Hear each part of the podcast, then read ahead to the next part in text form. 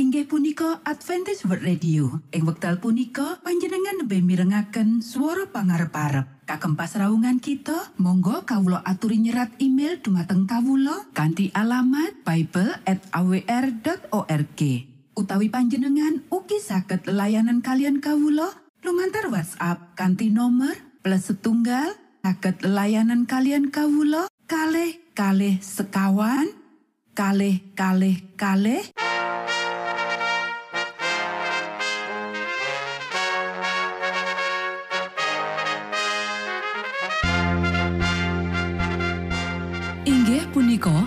Adventist World Radio ingkang giaran kanthi basa Jawi. Tentrem Rahayu kula aturaken kagem para mitra kinasih ing pundi papan lan panggonan. Sugeng pepanggian malih kalian Adventist World Radio. Kanti bingahing manah Kulo badi sesarengan kalian poro mitra kinasi. Lumantar saperangan adicara ingkang sampun rinonci. Mligi kagem panjenengan sami. Mugi giaran punika saged migunani tuen dados berkah kagem kita sedoyo. Sugeng midhangetaken Gusti amberkahi.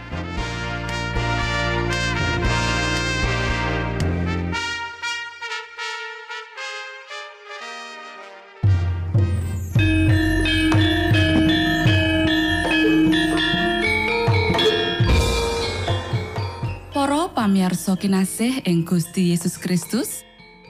Ing wekdal punika, kita badhe sesarengan ing adicara ruang kesehatan. Ingkang saestu migunani kagem panjenengan saha kita sami. Tips utawi pitedah ingkang dipun aturaken ing program punika tetales dawuhipun Gusti ingkang dipunnyatakaken ing kitab suci. Semanten ugi sakehing seratan ingkang dipun wangsitaken dening Gusti Allah. Nanging saderengipun, monggo kita sami midhangetaken kidung pujian.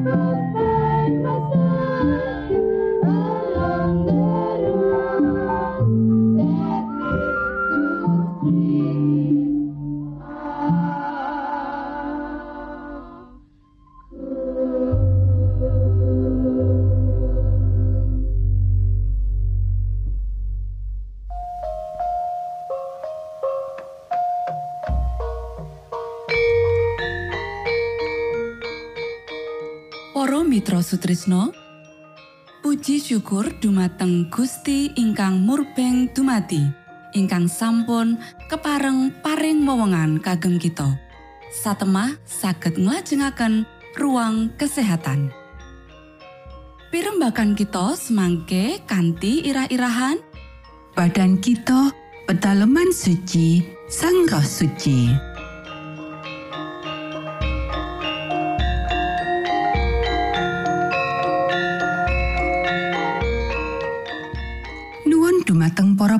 Pamiarsa ingkang dahat kinurmatan, sugeng pebanggian malih kalian kula Isti Kurnaidi ing adicara ruang kesehatan.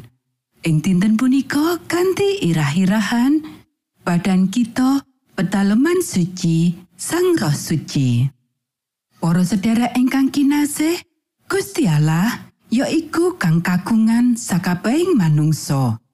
Jiwa, badan, lan roh iku kagungane. Gusti Allah maringake putrane kang untang-anting marang badan lan jiwa lan sakabehing panguripan kita kagungane Gusti Allah kanggo disucikake marang pelatosane supaya kanthi nggunakake saka kabeh kekuatan kang Allah wis paringake kita bisa ngluhurake panjenengane. Sang Yahua wis maringi tulodo saka panjenengane pribadi karena manungsa dititahake miturut gambar Gusti Allah.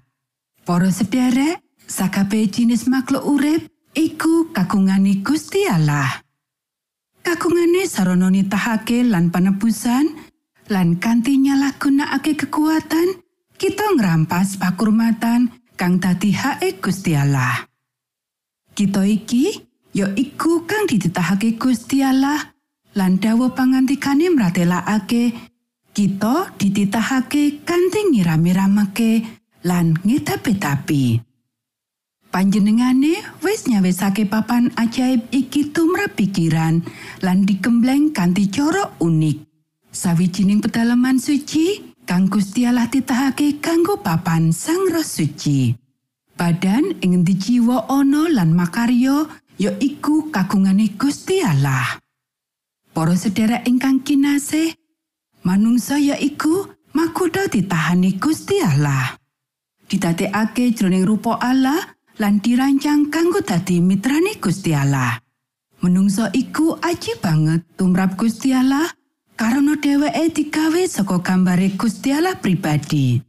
Bukti iki kutune menehi kita gambaran bab wigatine piwulang lumantar peranatan lan tulodo menawa nyawi badan kang dirancang kanggo nuduhake Gusti Allah marang donya iku ateges dosa. Kanthi nuruti kasenengan utawa kanthi pakulinan dosa liyane. Cara kerja kang gumunake saka badan menungso ora nampa separo saka perawatan kang kerep banget diwenehake sekedar marang mesin kang ora duweni nyawa. Para sedherek ingkang kinasih, opo aku ora duweni hak kanggo nglakoni miturut pepenginanku tumrap badanku dhewe? Ora. Koe ora duweni hak moral sebab koe nerak angger-angger panguripan lan kesehatan kang wis Gusti Allah paringake marang koe. Koe iku kagungane Gusti Allah. Jroning ditahake lan panebusan, sabet umat manungsa duweni kewajiban ngrumat mesin urip sing dititahake kanthi ngiram-iramake lan ngetapi-tapi.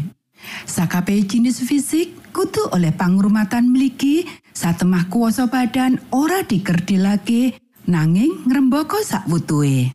Para sedherek ingkang kinasih, kapekaswarasan kudu dijogo padha sucine karo watak. Gusti Yesus orang lalekake panjaluke badan.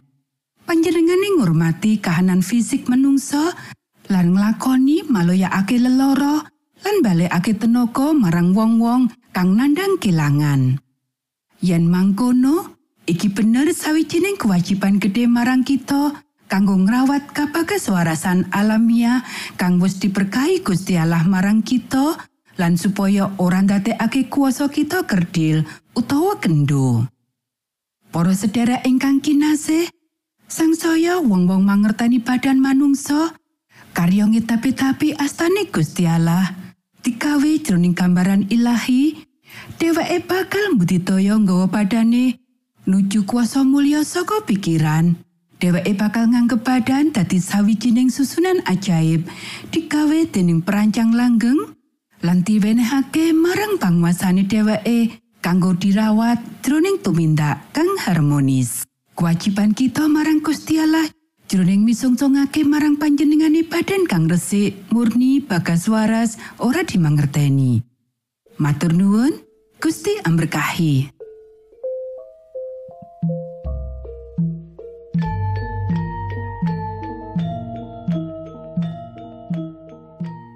Cekap semanten pimbakan ruang kesehatan ing episode dinten punika.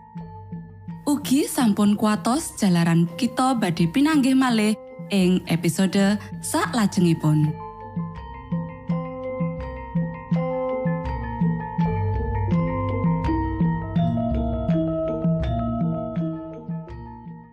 Inggih punika adicara ruang kesehatan. Menawi panjenengan gadah pitakenan utawi ngersakaken katrangan ingkang langkung, monggo kula aturi kinton email dateng alamat ejcawr at gmail.com utawi lumantar WhatsApp kanti nomor 025 pitu 00 songo songo papat 00 pitu.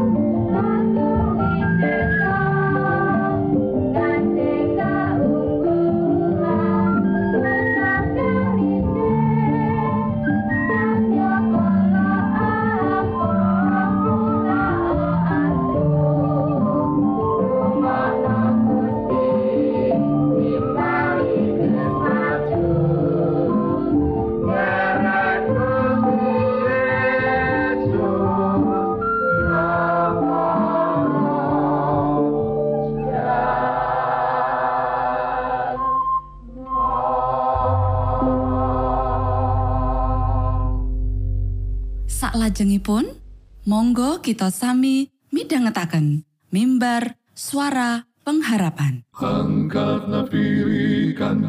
pawarto Sang Kristus paderamu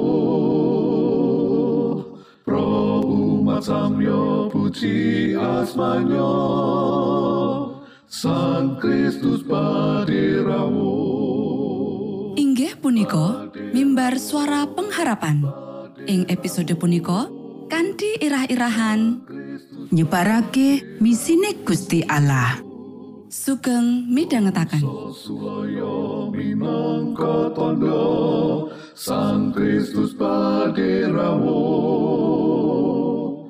Ilmu kawero tambah tambah Sang Kristus paderamu Paderamu Paderamu Sang Kristus paderamu Shalom para pamirsa ingkang kinasih wonten ing Gusti. Sakmenika kita badhe mitangetaken renungan Sabda pangantikanipun Gusti. Ing dinten punika kanthi irah-irahan nyebarake misine Gusti Allah. Para sedherek ingkang kinasih, dawuh pangantikane Gusti ing kitab Yohanan pasal telulas ayat telung papat lan telung limo yaiku kowe padha tak wenehi pepakon anyar ya iku kowe padha tresno tinresnanono dikaya anggonku wis tresno marang kowe. Kowe iya padha tresno tinresnanono uga. Kanthi mangkono saben wong bakal weruh yen kowe padha dadi siswaku ya iku menawa kowe padha tresno tinresnan para sedherek ingkang kinasih wiwit mula Romo Abraham duweni pepinginan digunakake dening Gusti Allah kanggo misine. Kabeneran iki bisa disawang kaya dene conto ing kitab Purwaning dumati pasal 18. Nalika Gusti Allah paring pangeling-eling marang Romo Abraham, babagan opo kang bakal kedadian marang Sodom lan Gomora. Purwaning dumati pasal 18 ayat 20 lan selikur. Sang Yehuwa banjur ngandika, ana alok kang rame bab tanah Sodom lan Gomora. Yen luwih dening gedhe turakane. Ingsun bakal tumedak lan nitip preksa. Apa iya lakune iku cocok karo alok kang wis marang ingsun apa ora? Sanyoto Pangeran Yehuwa Allah ora nindakake apa-apa tanpa putusan kang kalairake marang para abdine. Amos pasal telu ayat pitu. Para sederek ing cerita Sodom lan Gomora, para abdine, para nabi, yaiku Romo Abraham. Romo Abraham nembe ngaso amarga panase dina nalika ketingal telung pawongan kang lagi plesir.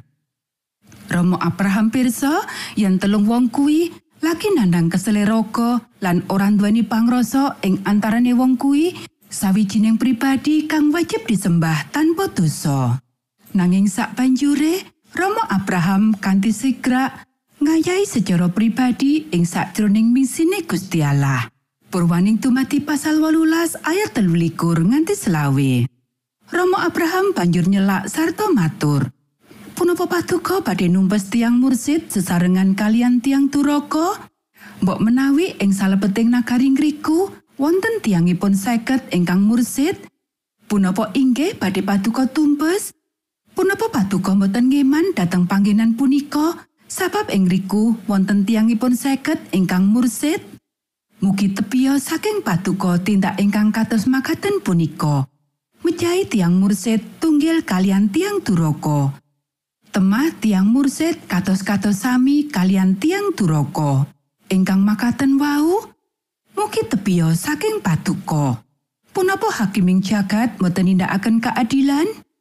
Para sedherek ingkang kinasih, kalibatane Romo Abraham kaya dene kang wis katerangake ing pasal 18 iki ya iku pandonga minangka pangantarane kanggo wong-wong kang ana ing Sodom lan Gomora. Ya iku panjenengane pengin mirsani menawa bisa Wong-wong iki bisa dislametake bebas saka kaluputan-kaluputane. Ing arti tartamtu, menawa misi kuwi dudu bab koyok ing dhuwur, banjur bab kepiye? Para sedherek ingkang kinasih, ing sakdawane purwaning dumadi pasal 18 iki ana telung perangan kualitas spiritual kang hebat saka Romo Abraham kang nyoto, yaiku aluse bebuden, katresnan lan pantungo. Iki kabeh minangka kualitas kang biyantu ing pakaryaning misi. Monggo kita sami ndedonga. Duh Rama kawula ingkang wonten ing swarga, asma patuko mugi kasucikaken. Kraton patuko mugi rawuh, karso patuko mugi kalampahan wonten ing bumi, kados dene wonten ing swarga. Kawula mugi kaparingan rejeki kawula sak cekapipun ing dinten punika. Saha patuko mugi ngapunten kalepatan kawula kados dene kawula inggih ngapunteni tetiang ingkang kalepatan dhateng kawula.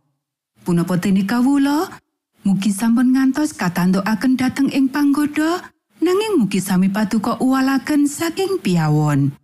Awit dene patuko ingkang kagungan kraton saha wisesa tuwin kamulyan salami laminipun. Amin.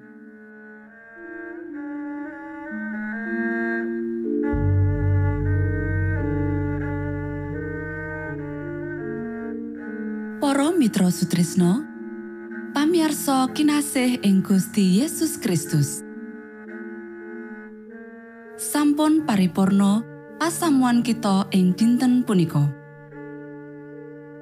menawi panjenengan gadah pitakenan utawi ngersakaken seri pelajaran Alkitab suara nubuatan Monggo Kulo aturi kinton email dateng alamat ejcawr gmail.com utawi lumantar WhatsApp kanti nomor 025 pitu 00 songo songo papat 00 pitu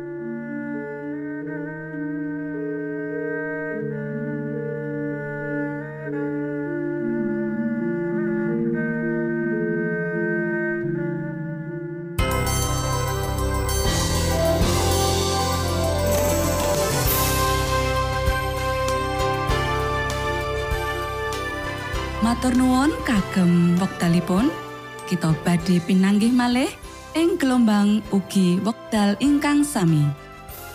Saking studio kula ngaturaken tentrem rahayu. Gusti amberkahi kita sedaya. Maranata.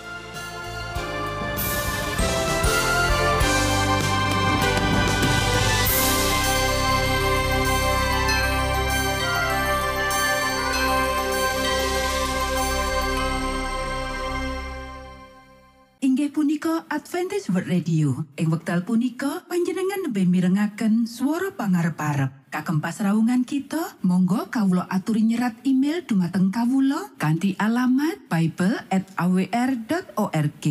Utawi panjenengan ugi saged layanan kalian kawula lumantar WhatsApp kanthi nomor plus setunggal saged layanan kalian kawula kalih kalih sekawan kalih kalih kalih